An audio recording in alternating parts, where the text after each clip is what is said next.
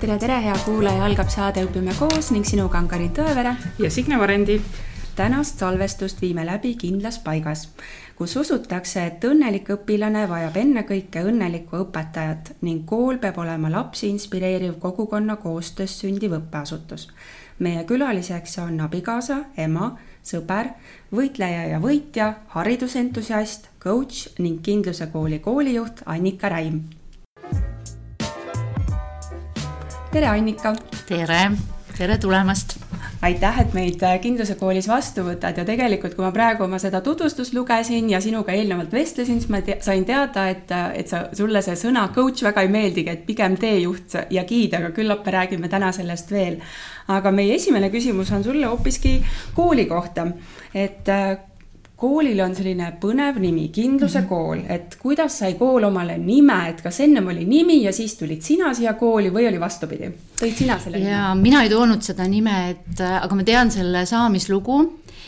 selle nime pakkus välja kohalik kogukond, küsiti, mida arvatakse, mis võiks kooli nimi olla.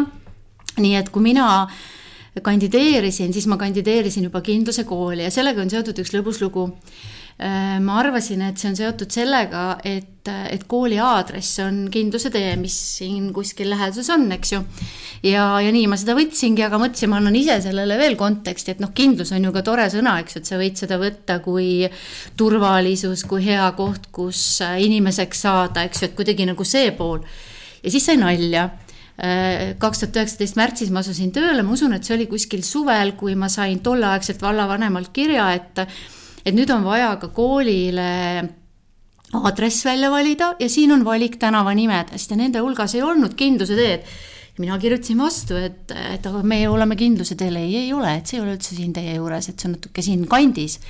ehk siis me oleme Roheluse teel, mille ma siis sealt nimekirjast arvasin, et sobib meile aga, aga selline ongi lugu, et nimi tuli enne ja sisu sellele tuleb ise luua. aga räägimegi sellest koolist, et kui ma kodulehte vaatasin, siis seal on väga kenasti välja toodud need äh, eripärad, kõik, mis siin koolil on ja. ja minul jäi noh, esmamulje, et see on küll vist mingi väga-väga äge erakool, kus selliseid mm -hmm. asju tehakse. aga tegelikult ei ole nii, et te olete täiesti tavaline munitsipaalkool, üheksaklassiline hetkel veel kuue, kuuenda klassini.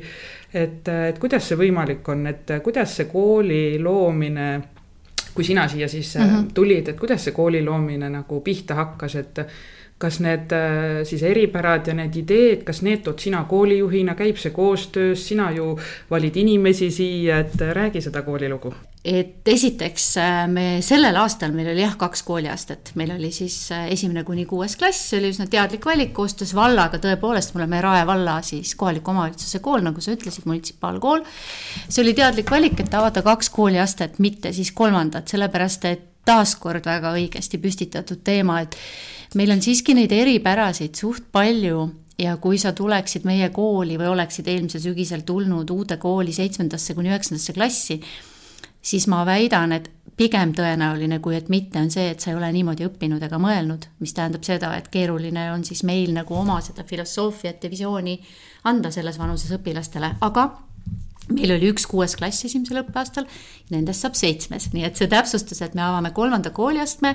meie õppekava on selleks Haridus-Teadusministeeriumilt saanud juba positiivse tagasiside ehk otsuse, et me saame seda rakendama hakata nii et äh, me jah, siis liigume kolmandasse kooliastmesse siis äh, lugu siis sellest, et mis oli ennem kana või muna. tegelikult lugu oli selline, et kui mina kandideerisin, siis ootas Rae vald koolijuhti, kellel on visioon Rae vallas on äh, mitmeid üldhariduskoole, mõned neid üsna siis aja, pika ajalooga. viimane, mis enne Kindluse kooli avati, on siis Järveküla kool, kes oli kolm aastat tegutsenud selleks ajaks, kui mina tööle tulin, eks ju.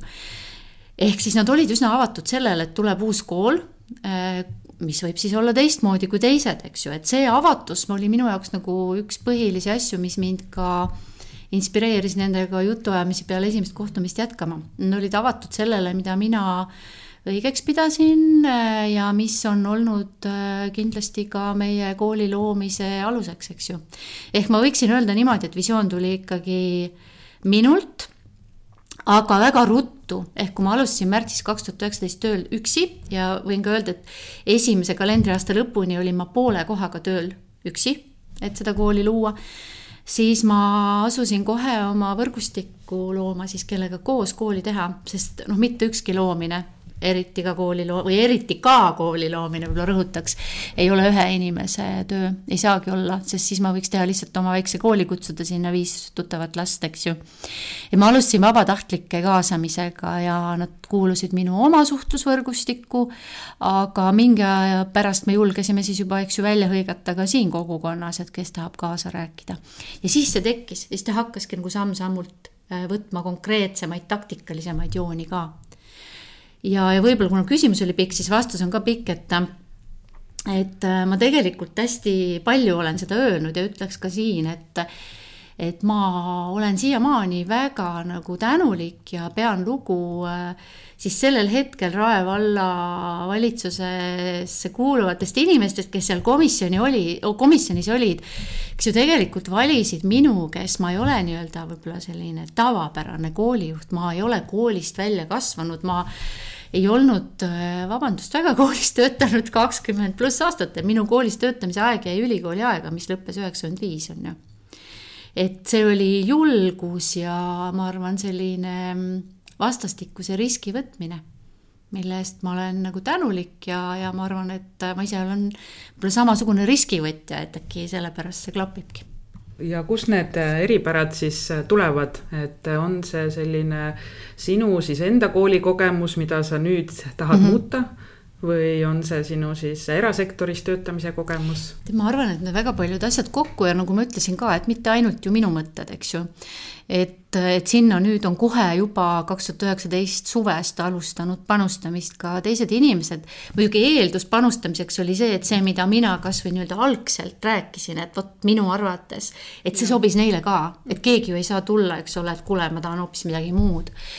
ja, ja kõik see kokku ma arvan, väga palju jah, sellist äh, vaadet üldse inimesele tervikuna, kuidas ta areneb, kuidas leida kelleski üles see mis on nagu tema, võib-olla mis paneb tal silma särama, mitte teda, mitte teda nagu alla kiskuda asjadega, mis ei ole olulised, leida igas ühes tema tugevus, aru saada, et igalühel on oma tempo, et seda mina tõstaks vabalt täiskasvanute maailmast kooli, olemegi tõstnud, on ju. Et selles mõttes ma arvan, et kui ma püüan seda vastust konkretiseerida, siis siis ma arvan, et kogu selle mõtteviisi taga, kui me räägime esialgu ainult visioonist, ongi see, et et inimene kui tervik.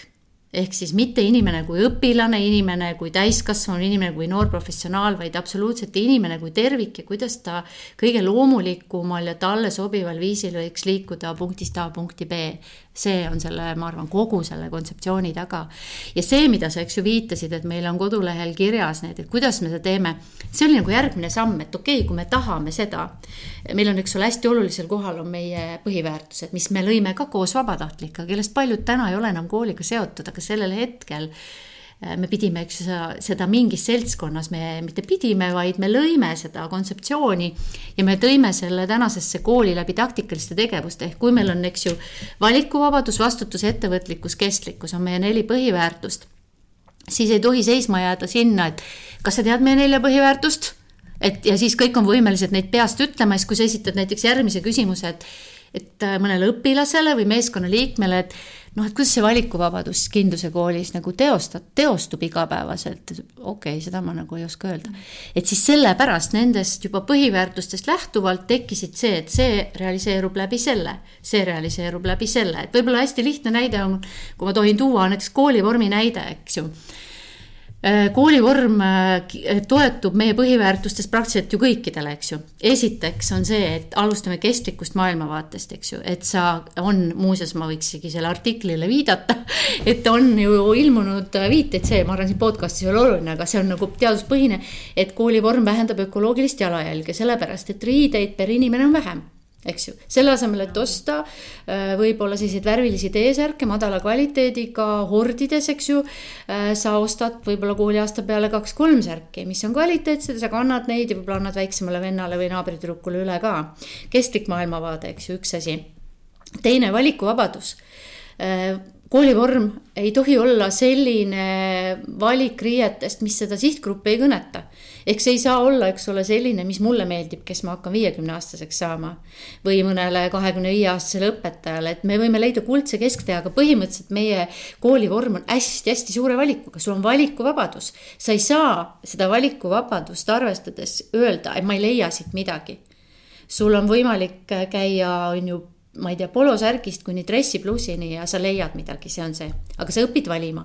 ja nüüd hästi oluline, et valikuga käib alati kaasas ka vastutus, et sellest hetkest peale sa vastutad, et seda kannad ja, ja kui sa oled siia kooli tulnud, siis sa vastutad, et sa kannad selle kooli vormi. ehk siis niimoodi need äh, taktikalised nii-öelda teostamised ongi koolis äh, realiseerunud, on ju midagi tahate vahepeal kommenteerida või küsida, et ma neid näiteid võin ju, eks ju, tuua veel ja veel. mina just tahakski teada mm, -hmm. et äh, need põhiväärtused on paigas, et mm -hmm. mil, milles siis seisneb veel see teie kooli omapära, et sa koolivormi tõid siin näiteks mm, -hmm. et mis on veel teie ja. kooli nägu ja teie oma mm? -hmm. siis äh, see, et me oma klassiõpetajatest või siis võib-olla siis klassijuhatajatest, keda, keda me ka ju teame nimepidi, eks ju, või nimetusena, me räägime kui mentoritest ehk siis meil on mentorid ja me ei räägi klassidest, vaid me räägime õpigruppidest. miks ma seda esile toon, on see, et jah, sellises ütleme siis juriidilises sõnavaras on endiselt klassid ja õpilased ja klassijuhatajad ja klassiõpetajad, aga meie kool kasutab omi sõnu. miks see oluline on, sellepärast et mina ise, nagu ma ütlesin teile, inglise ja saksa keele filoloogina, üldse inimesena, kes, kes väga armastab sõnu ja usub väga nende mõjusse Äh, usun ka sellesse ja kogemuslikult tean, et see nii on, et sõnad, mida me kasutame, mõjutavad ka meie arusaamu sellest, millega me tegeleme. ütleme siis nende nagu teiste õpilastega koos sa moodustad õpigrupi. ehk siis, kui te mõtlete, et see on grupp, kes õpib koos, mis asi on üldse klass? miks me räägime mentoritest samamoodi, et anda sellele täiskasvanud juhendajale nimetus, mis Äh, mis on sisult selline, mida ta päriselt, me, me ootame, et ta siin koolis teeks, et ta ei ole klassijuhataja, jällegi, kes on klassijuhataja. tal on nii-öelda, kui me tahame, et inimesed saaksid aru, mida ma siin praegu räägin, jah, tal on need funktsioonid ka. ehk siis ta korraldab, ta hoiab suhteid lapsevanematega ja nii edasi, kuid mentorina on väga oluline see mõtteviis, mida ta peab omaks võtma, et kui sa oled mentor, vot see minu hea sõna, mida ma teile enne intervjuu algust rääkisin, sa oled tegelikult teejuht ja juhendaja sa ei ole see, kes ütleb, nii peab, õpi ära, anna mulle teada, siis ma ütlen sulle, kas on hästi. vaid sa oled vajadusel selle juhendatava ees või kõrval või taga aga sa oled nagu pigem juhendaja ja teejuht kui keegi, kes ütleb, mida sa pead teadma ja ütleb, kas seda tead hästi või ei tea, eks ju.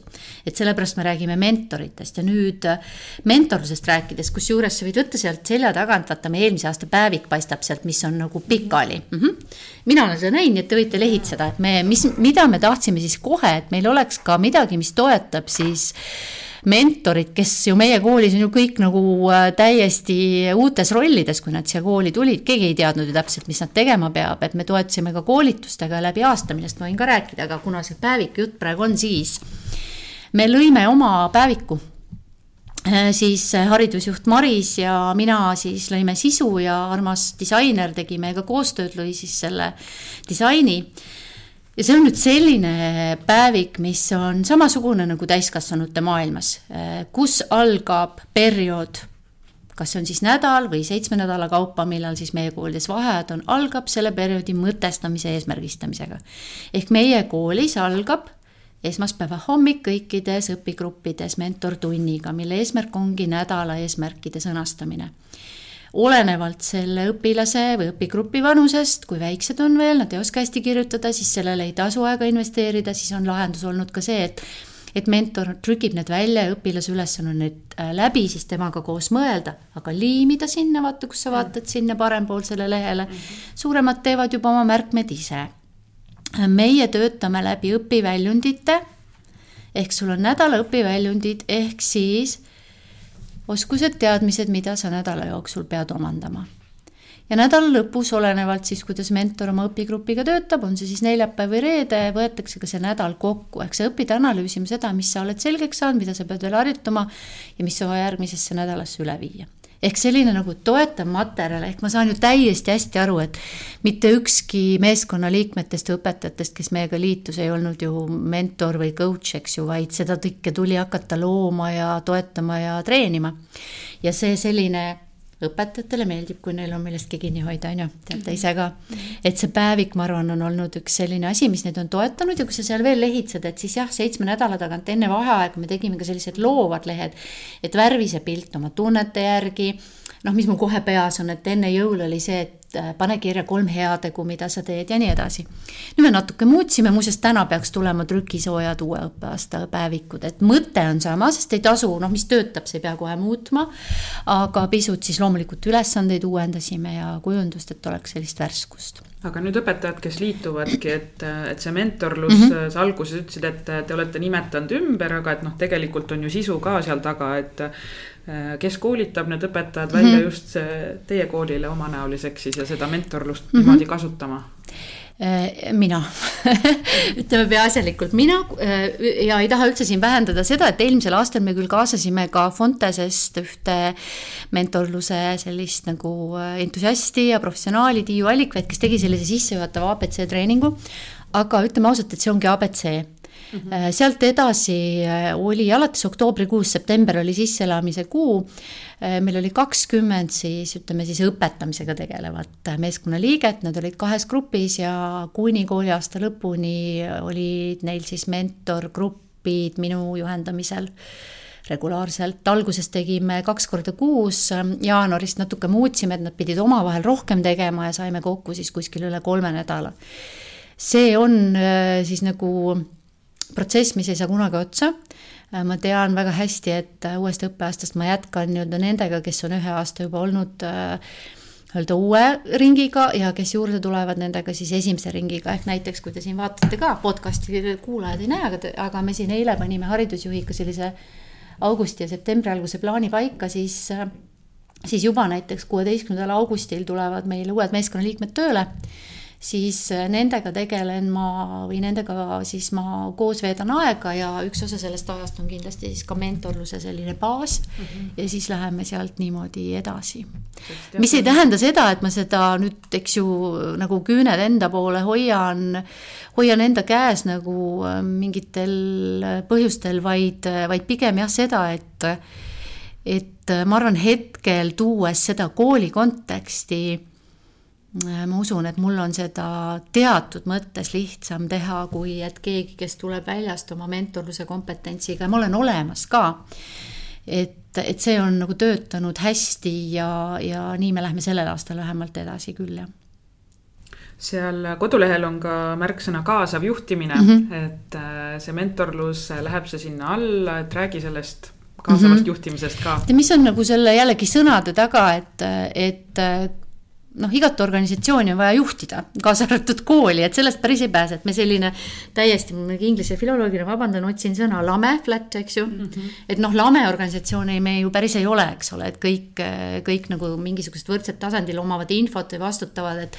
et tas on mingi hierarhia ikkagi olemas juba tulenevalt sellest, et kuskilt alates on, on seadusandlusest tulenevad ütleme siis ausalt välja, bürokraatiat ka väga palju ja, ja seda ometigi ei saa meeskonnale, eks ju, panna, et sealt tekivad mingisugused vahelülid ja ja lõpuks koolijuhi vastutus äh, lõppkokkuvõttes ka.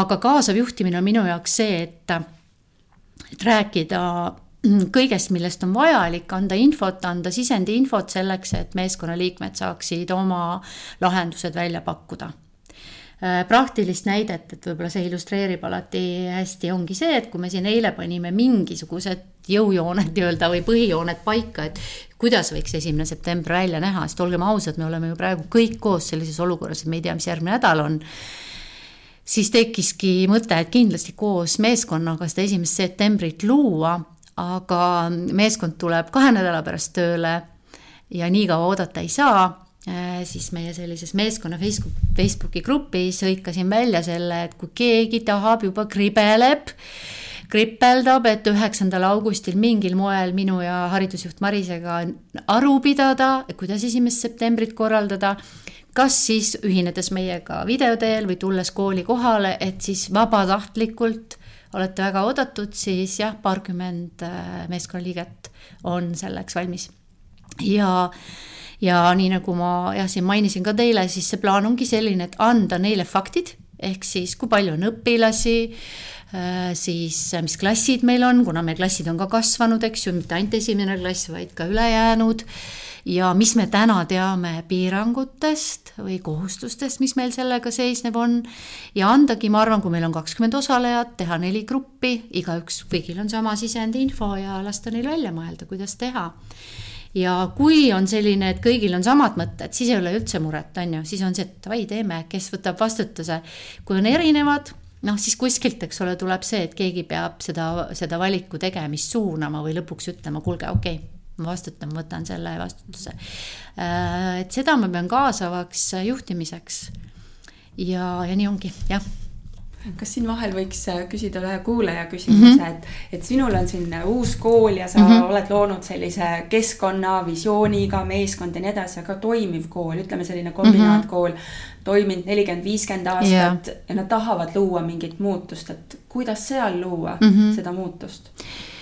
Äh, sa vaata, noh, küsimus ilmselt tuleneb sealt, nad tahavad, et mina tahaks kohe teada, kes on valmis mm, -hmm. kes tahavad ja siis tekib ju hoopis erinev strateegia, et kui juhtkond tahab, eks ju mm -hmm., noh, et kui otsustajad või täpselt nagu ma ütlesin, ma ei tea, kas neil on kaasajuhtimine, ei ole. kui nad on juhtkond, eks ju mm, -hmm. et siis ma ütleks niimoodi, et siis äh, küsige abi või väljaspoolt, kutsuge keegi, kes on seda teinud mm -hmm. endale appi ja pange kokku selline äh, meeskond, kes on sellest teemast inspireeritud, kes ka tahavad siis on lihtsam, ma ütleks niimoodi, eks ju.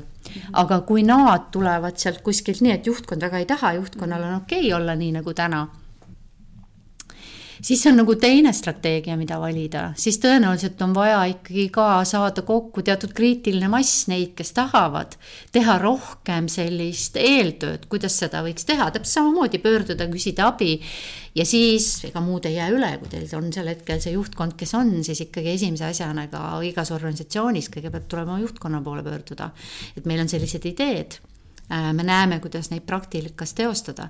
Ja sealt edasi on jällegi, eks ole, stsenaarium A ja B, kui tuleb vastu sein, et mitte mingil juhul me jätkame järgmised viiskümmend aastat samamoodi, siis ma ütleks, et siis on iga selle inspireeri-, inspireeritud muutustest huvitatud töötaja ikkagi valik lahkuda.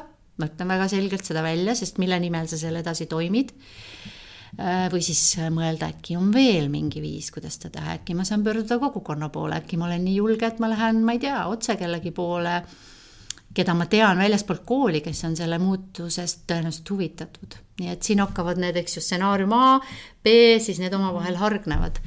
aga ma arvan, et äh, kõige kõige nagu viletsam variant on lihtsalt sellele mõelda ja kohvinurgas rääkida seda nii, et keegi teine ei kuule ainult su kolm lähimat sõpra ja öelda, et kõik teised ei taha ja üldse, kus me siin töötame, ühesõnaga jääda sellesse, mida mina kutsun nagu vingumise tsooni.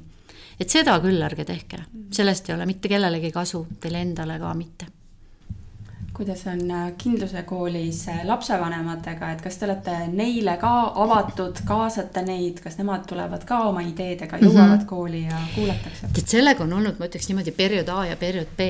periood A oli siis seesama kooli ettevalmistav aeg, kus me ei teadnud midagi piirangutest, eks ju, ega koroonast ega, ega muust taolisest, kaks tuhat üheksateist kuni kaks tuhat kakskümmend Äh, kevad, aasta, aastaring, eks ju, kui kogu see loomine oligi üles ehitatud ja vabatahtlikele ja ja see oli, oli väga-väga äge oli seda kogeda, minu jaoks ju tõesti võõrad inimesed, kes olid nõus tulema, me Järveküla lasteaed asub siin meie lähedal, äh, meie vabatahtlike kogunemistele, mis olid umbes kord kuus mingist hetkest alates ja, ja käima, me tegime töögruppe, nii et näiteks koolivorm, jälle jube hea näide tuua, et see on üks lapsevanem, kes lihtsalt võttis selle enda vedada ja, ja nii oligi, on ju.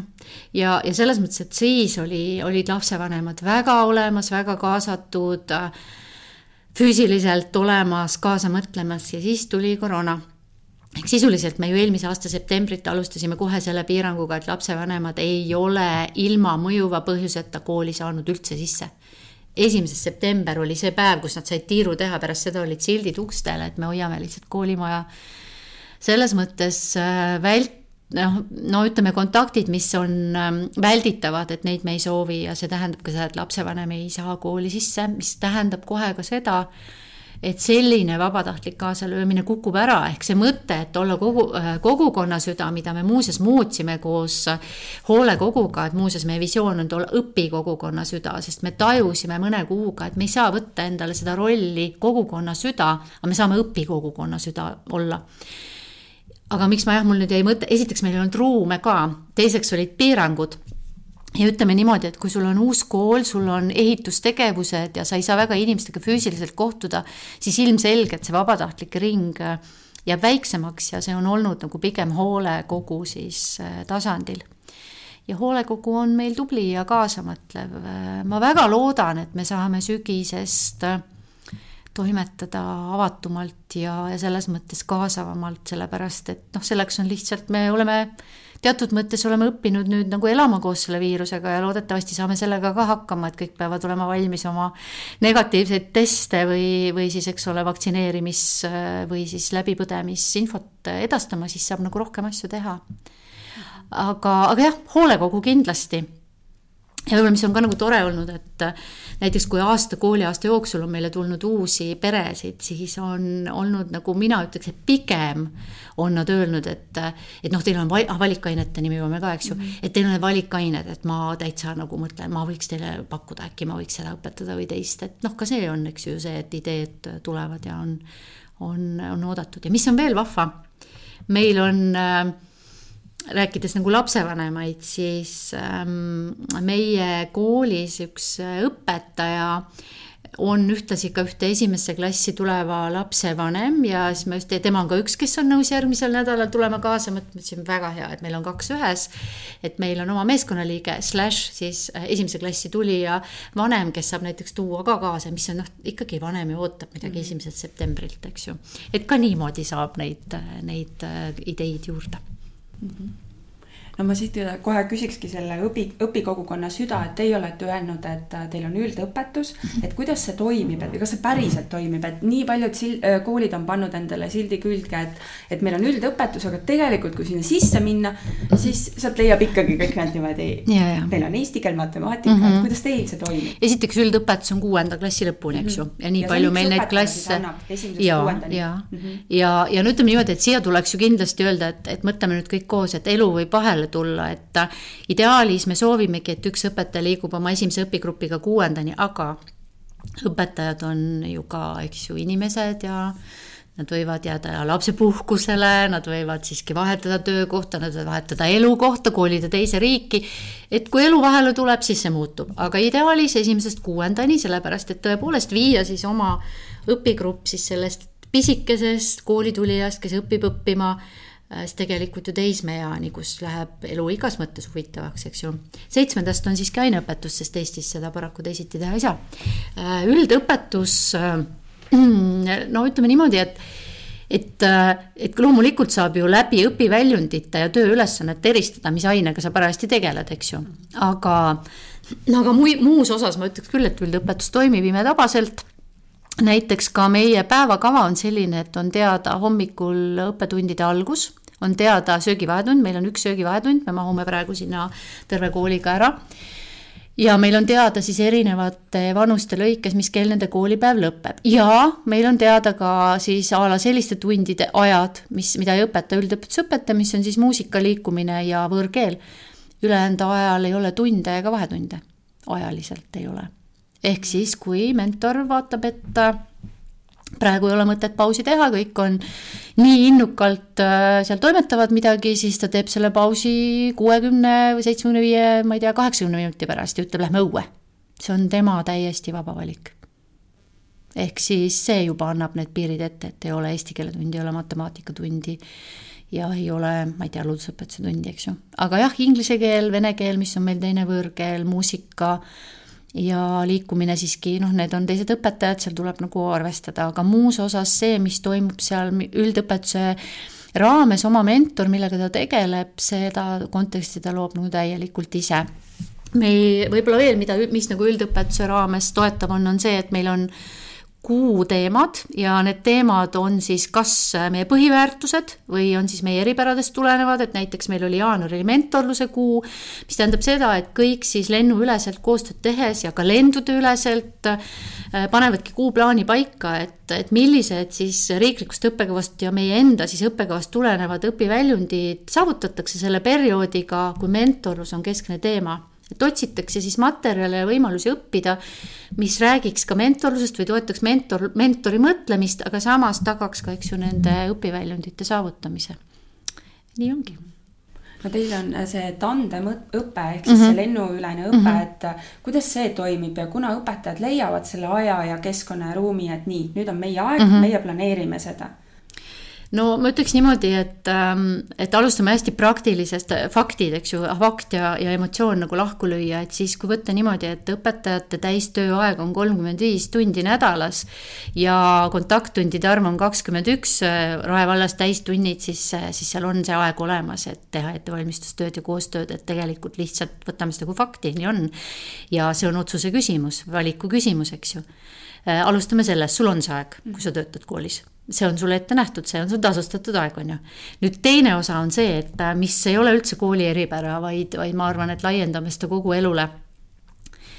Äh, kui sa oled teinud vettpidava, inspireeriva plaani, siis taktika on nii palju lihtsam. ehk siis istu maha, tee plaan ja siis ülejäänud kuu aega teosta see, mitte see, et iga hommik ärkad või ma ei tea, iga pühapäev, mis ma järgmine nädal teen, eks ju mis äh, on äh, koostöös alati lihtsam, meil on mitu pead, mitu kogemust, mitu ideed. ehk siis, eks ma arvan, et, et esiteks A, see aeg on olemas, B, see on nii palju efektiivsem, kui igalühel ise toimida ja olla pidevalt küsimuse eest, et appi, mis ma nüüd teen, on ju.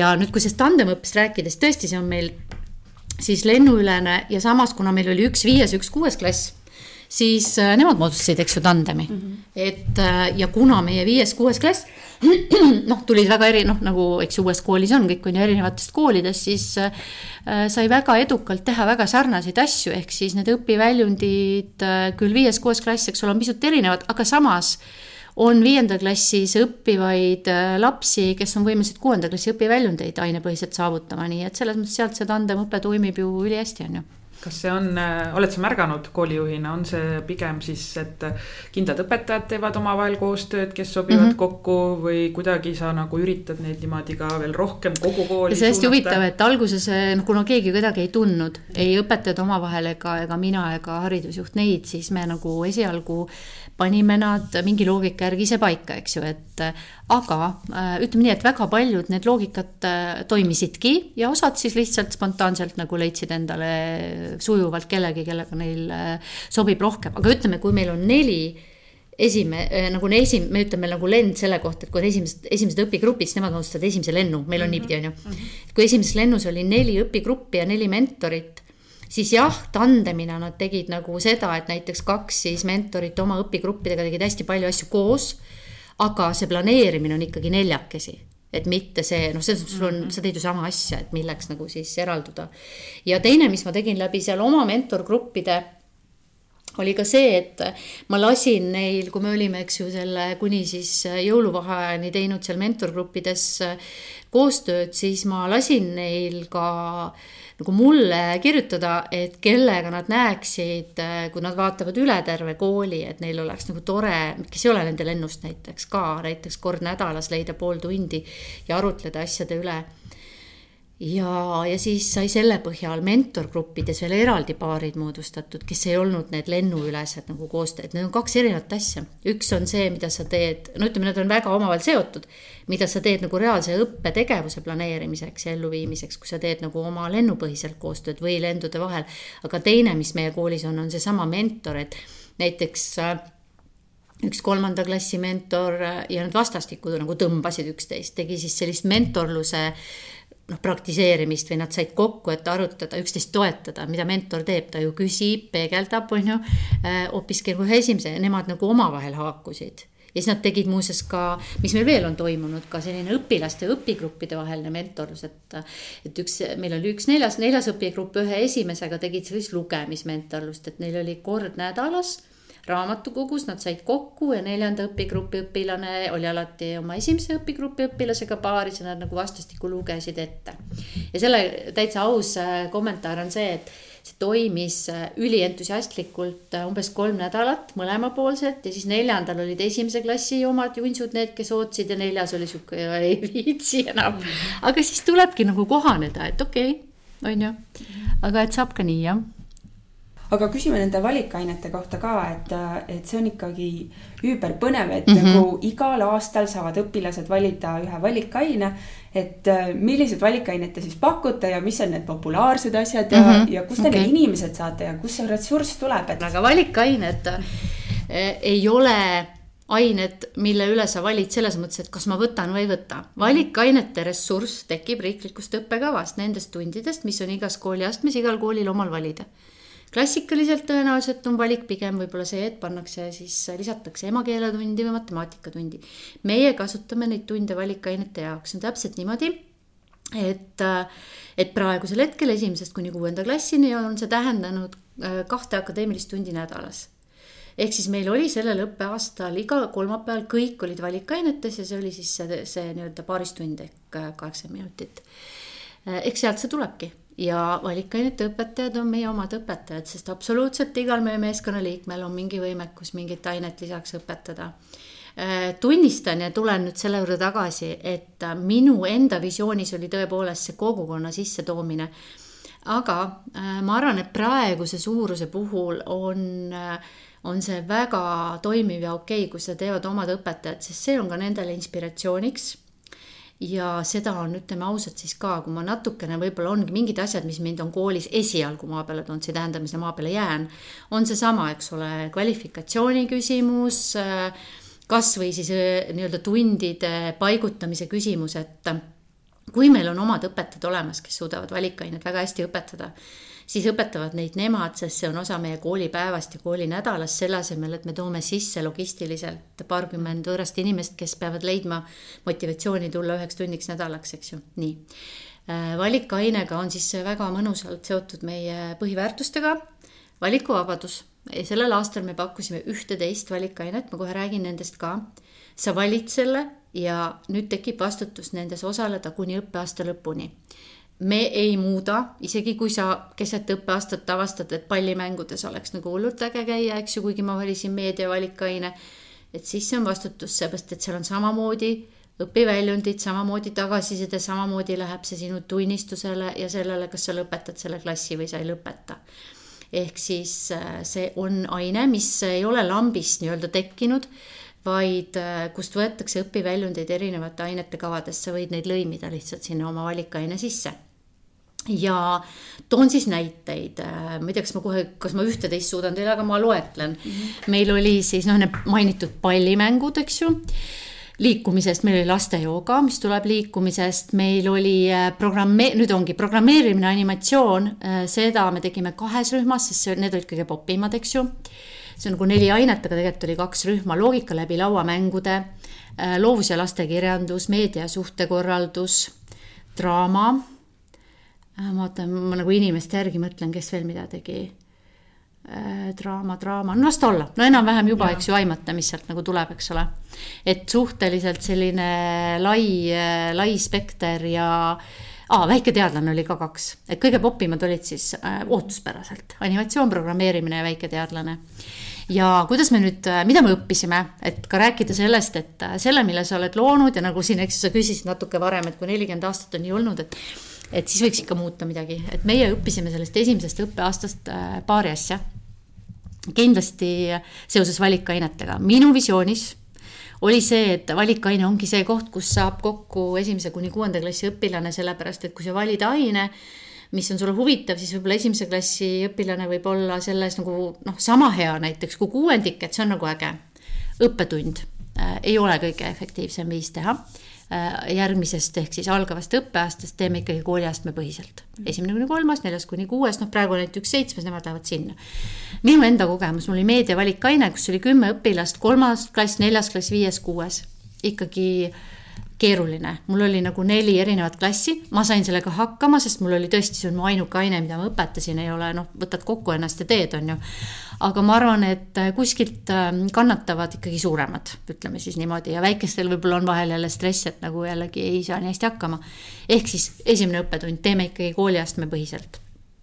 teine äh, õpp õppetöö mõttes jääb meil valikainet üks akadeemiline tund ja teise me kasutame selleks, et me loome ja oleme juba loomas ennastjuhtiva õpilase kursust, ehk siis kõik õpilased, rääkides nüüd veel kord integratsioonist, kuidas mentorlus veel rohkem tuleb sisse äh, iga nädal on meil nüüd niimoodi, et sul on üks valikainetund, ma kohe räägin ka, kuidas me selle ära nii-öelda tasandame, et noh, et ennem oli kaks, nüüd on üks.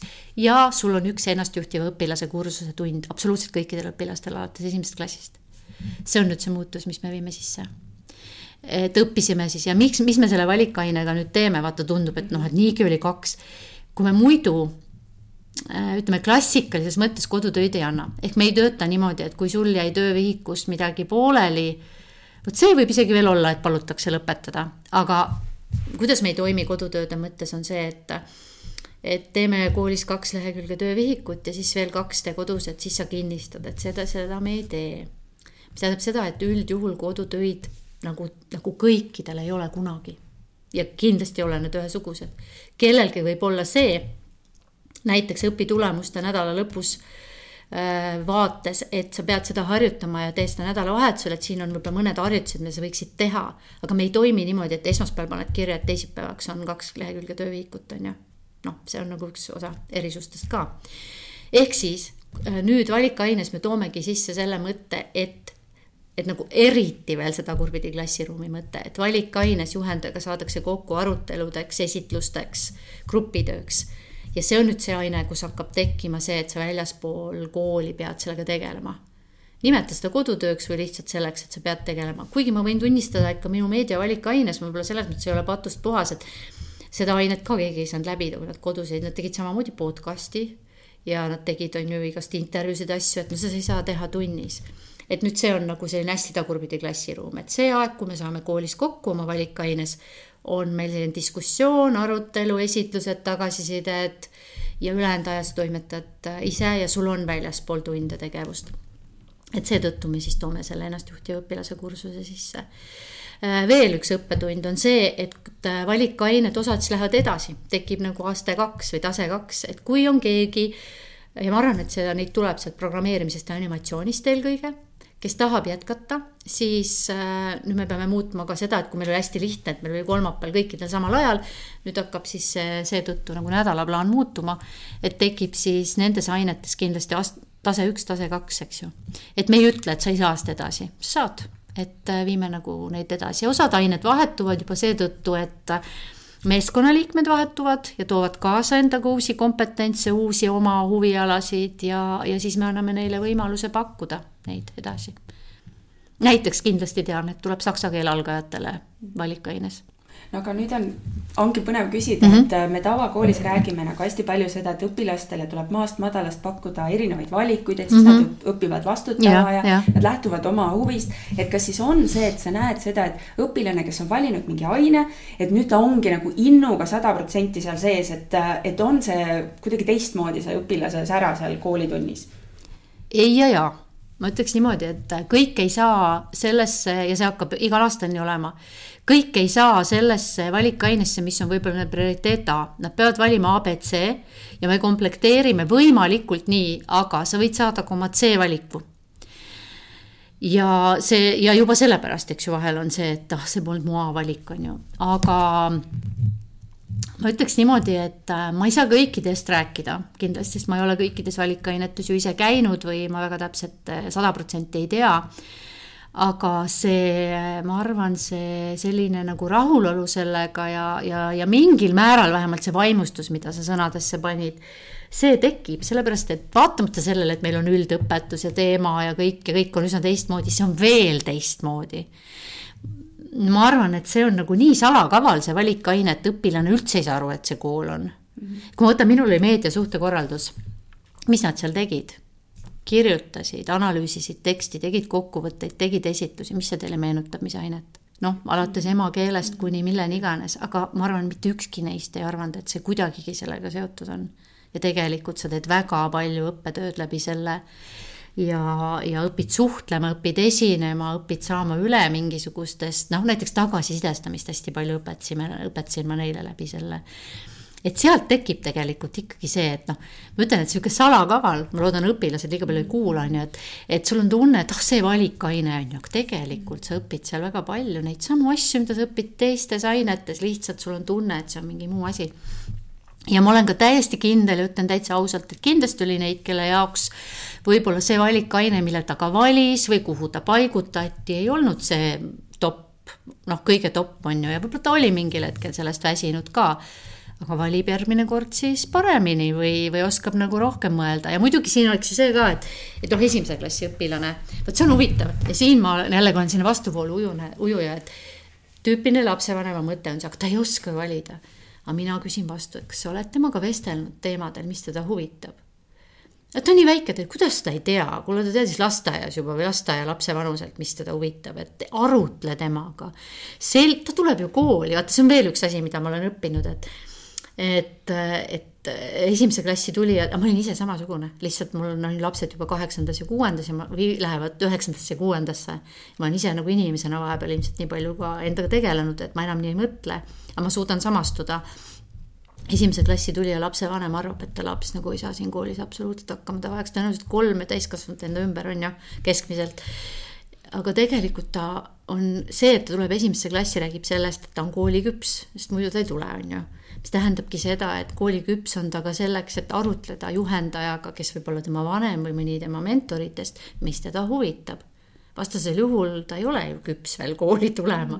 ja me ei pea talle rääkima nendest ainetest ju viisil, et ta ei saa aru, mida me räägime, näiteks minu meediavalikaine oli siiski ka alates kolmandast klassist välja pakutud mm. -hmm. Ei oleks noh, kindlasti võinud olla võib-olla viiendast üldse on ju, kuigi kolmand-, tüdrukud, kolmanda klassi tüdrukud, kui kuulavad või nende vanemad olid väga tublid ja et talle sobivate sõnadega selgitada, küll ta siis valib, on ju. et, et üks asi ka, ma arvan, kõik nagu siia kokku pannes, mentorlus, valikuvabadus, vastutus, õpioskuste arendamine algab minu arvates sellest, millest me ka rääkisime, et usaldame inimest kui tervikut. Vastavalt tema, ärge alahinnake nagu lapsi, on ka mu sõnum kindlasti arutlege, kui ta ei saa aru, siis mõelge, kuidas te saate paremini selgitada. Äh, laske tal küsida küsimusi, et tema nagu ütleb, et kasvõi see vestlus lapsega, et aga küsi mu käest veel selle valikaine kohta.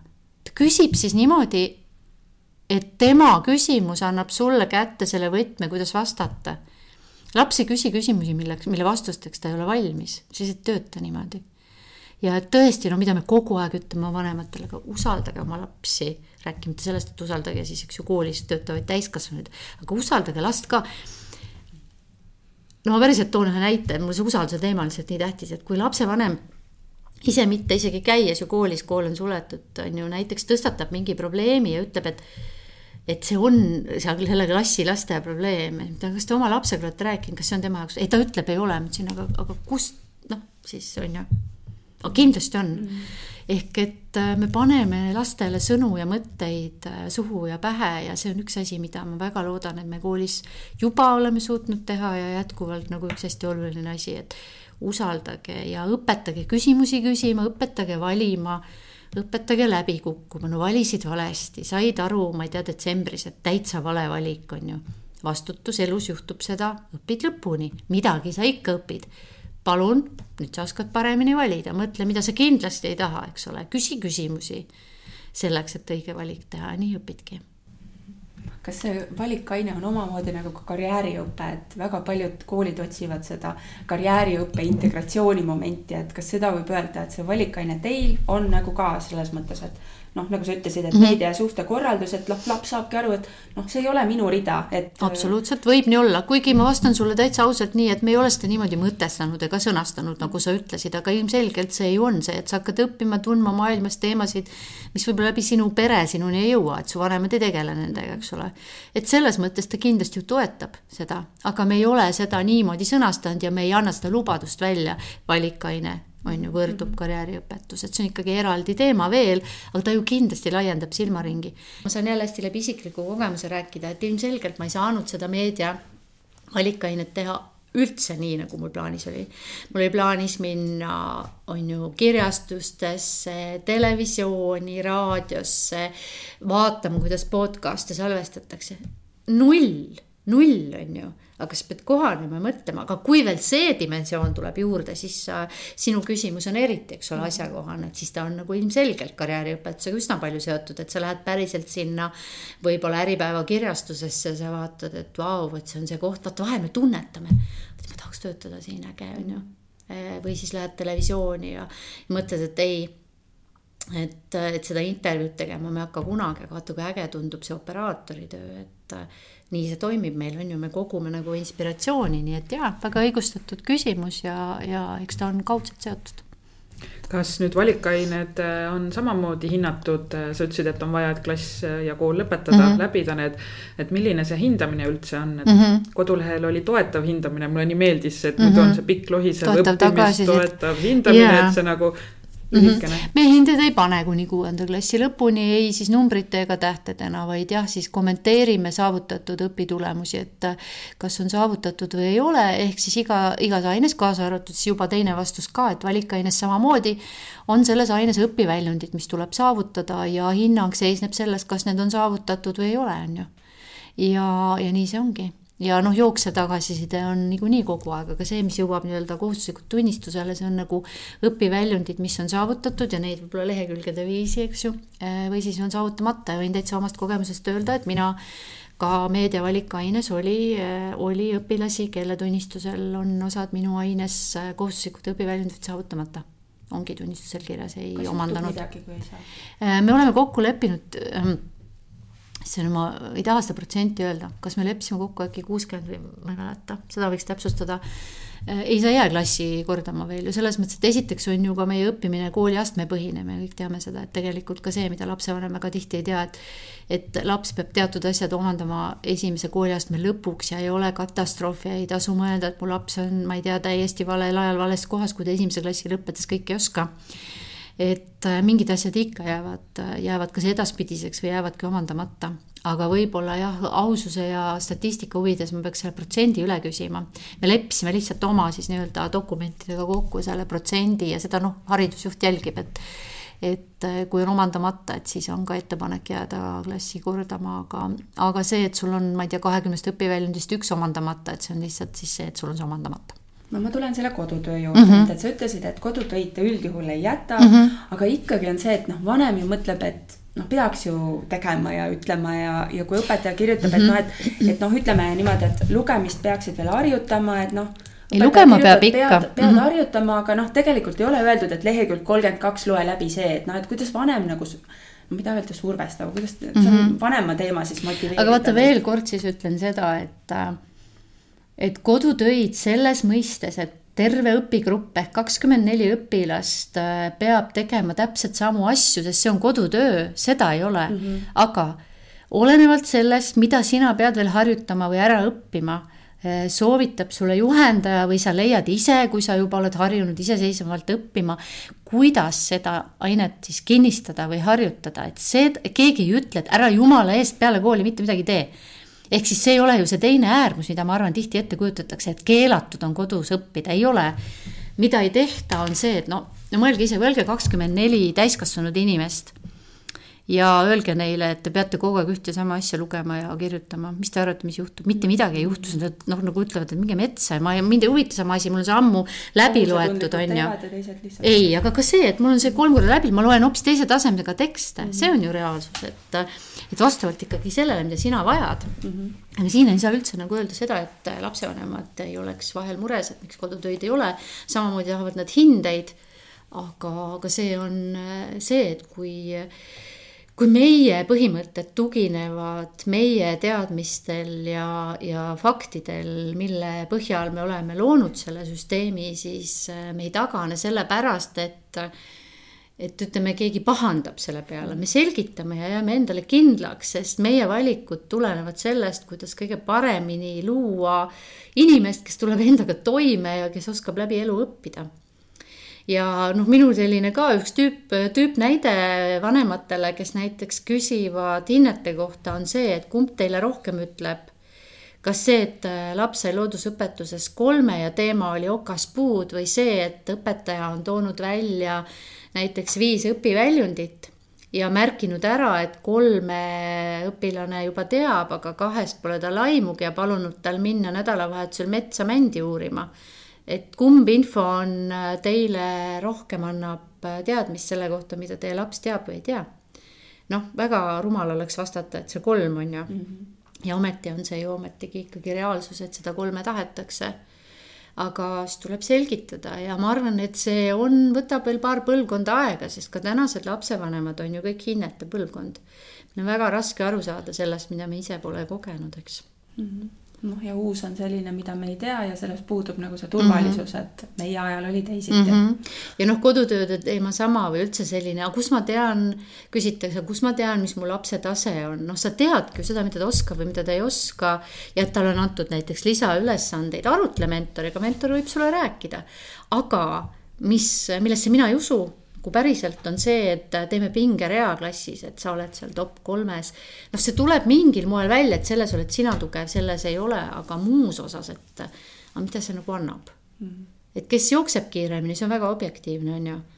aga kes õpib selle asja ära, seal tulevad mängu hoopis teised asjad, et et mõni äh, õpilane õpib sellesama asja ära lihtsalt näiteks kolm korda aeglasemalt, aga võib-olla tal kinnistub see hoopis paremini, mida me siis võrdleme kas seda, kes oli kiirem, kes on parem stressi all testide sooritaja äh, või siis seda, et, et see päriselt huvitas sind äh, ja sa läksid hästi sügavalt ja see jääb sulle eluks ajaks või see, et jah, sa tegid selle oma miinimumi, sest noh, see ei huvitagi sind, see on ka okei okay,, eks ju Te avasite eelmine aasta selle kooli mm -hmm. ja esimesest kuuenda klassini tulid ju kõik kõik, kõik olid uued. oli see nagu kerge ühendada üh, ühtseks koolipereks, noh, teil oli veel see Covid ka veel tuli kohale, et mm, -hmm. et kuidas see toimib, et see kõik nagu panna jooksma? tead, äh, esit-, vot üks pluss oli veel, et, et esimene klass tuli esimest korda kooli, eks ju, noh, see on nagu puhas leht mm, -hmm. sa hakkad, on ju, kujundama nii neid kui ka nende peresid oma rütmis.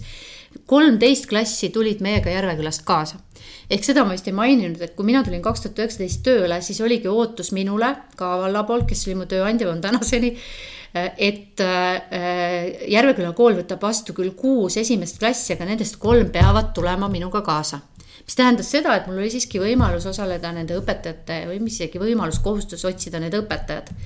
ja need klassid tulid meiega kaasa üheksakümmend üheksa protsenti, nii et selles mõttes oli meil, kui sa võtad niimoodi, et meil oli neli esimest, kolmteist, üks, kolmas, neljas, viies, kuues, siis ikkagi oli tegelikult kolmas, neljas, viies, kuues on need, kes on nagu absoluutselt igalt poolt, sealhulgas õpilasi, kelle emakeel ei ole eesti keel, ka kuuendas klassis, kes ei oska eesti keelt, kes näiteks tulid Eestisse elama alles eelmise aasta augustis. et äh, ma ütleks selle kohta niimoodi, et äh,, et äh, et see aasta ongi paljuski olnud äh, üldse õpilaste tundmaõppimise aasta ka. ja võib-olla see varem toodud näide, et miks viies ja kuues klass sai väga, väga hästi koostööd teha nagu mentorid tandemina, õpilased koos. täpselt sellesama asja pärast, et nad ei ole sama kooli õpilased, keda on esimesest klassist peale samas suunas nii-öelda õpetatud ja seetõttu ilmselt oleks viienda ja kuuenda klassi vahe väga noh, lootus, lootuses, eks ju, et kõik toimib nii nagu peab, erinev, aga meie nii ei pea ei saagi öelda.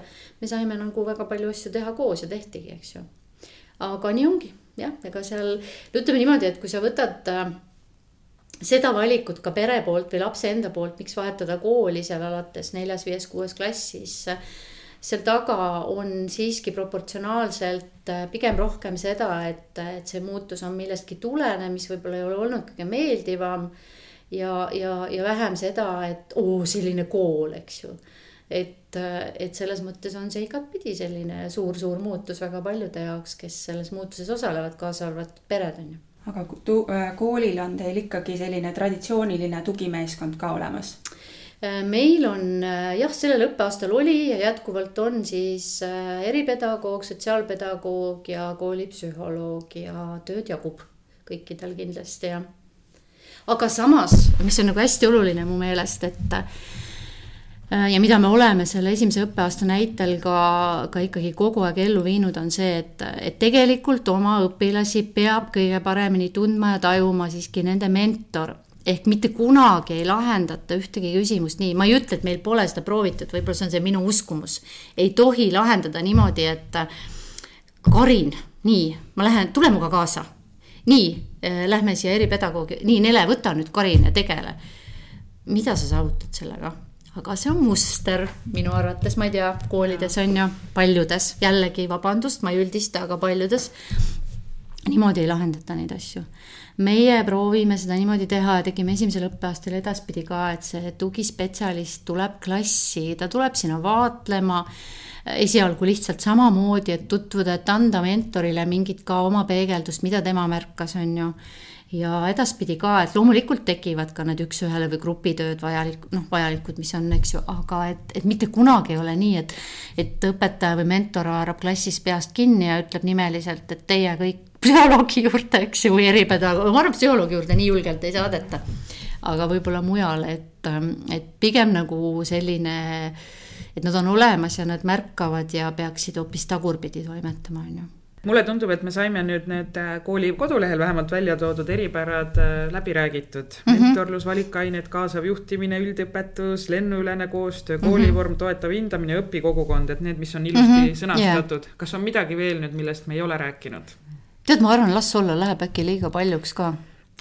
aga hea kuulaja, järgmise korrani. Kuulmiseni kui sinagi said koos meiega täna uusi mõtteid ja inspiratsiooni, siis anna taskuhäälingule hoogu juurde, likei, jaga ja kommenteeri meie postitusi sotsiaalmeediakanalites. kui soovid taskuhäälingut Õpime koos toetada, siis täname sind annetuse eest MTÜ Tartu Loomemaja arveldusarve kontole. kõik vajalikud lingid leiab saate kirjeldusest